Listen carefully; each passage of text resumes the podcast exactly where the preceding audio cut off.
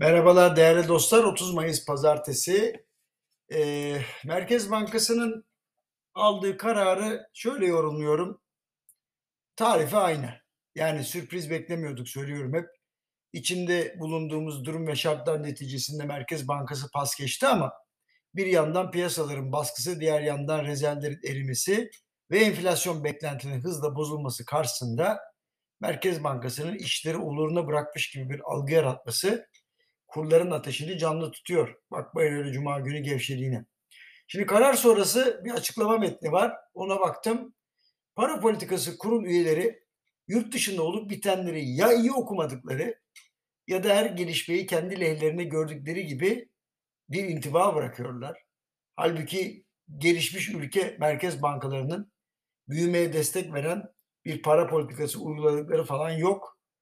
E, açıklama metninde bunu ima eden cümleler vardı. Açıkçası bu durum biraz beni endişelendirdi. Onu söyleyeyim.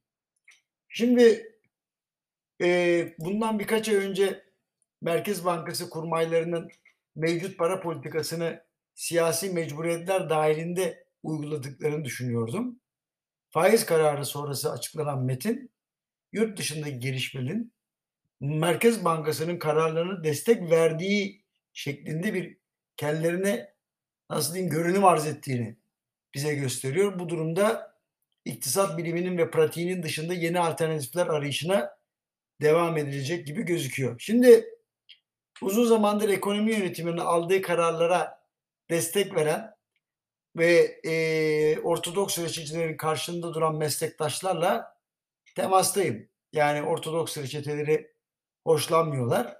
E ben de Atlantik'in batı tarafı her zaman hakkıdır düşüncesinin karşısındayım. Onu da kabul ediyorum. Ancak bu yaklaşım bizi bilimsel rasyonellikten uzaklaştırmamalı. Şu an yaşadığımız meseleyi faizi yükselterek çözecek noktayı çoktan geride bıraktığımız için aksi ispat edilmeyen her argüman doğrudur yaklaşımına sarılmak kusura bakmayın en hafif ifadeyle kolaycılık olur. Atılması gereken ama atılmayan adımlar yanında yapılmaması gereken ama yapılan her uygulama sonunda iyi ki böyle yaptık yoksa daha beter olacaktı söylemine cevap yetiştirmenin de faydası yok. Beni yoruyor.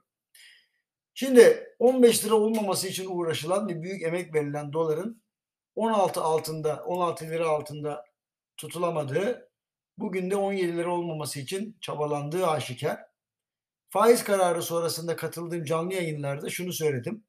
Yani bu kadar maliyet ödemek yerine para politikasını çalıştırmak daha kolay değil miydi? Yani ne demeye getiriyorum? Yani para politikasını çalıştırmak Türk lirasını revaçta hale getirmek demek. E şunu iyice anlamak lazım.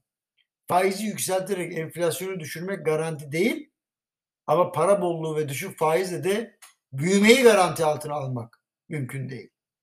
Ha bana sorarsanız yavaşlayan ekonomi mi yoksa çok yüksek enflasyon mu?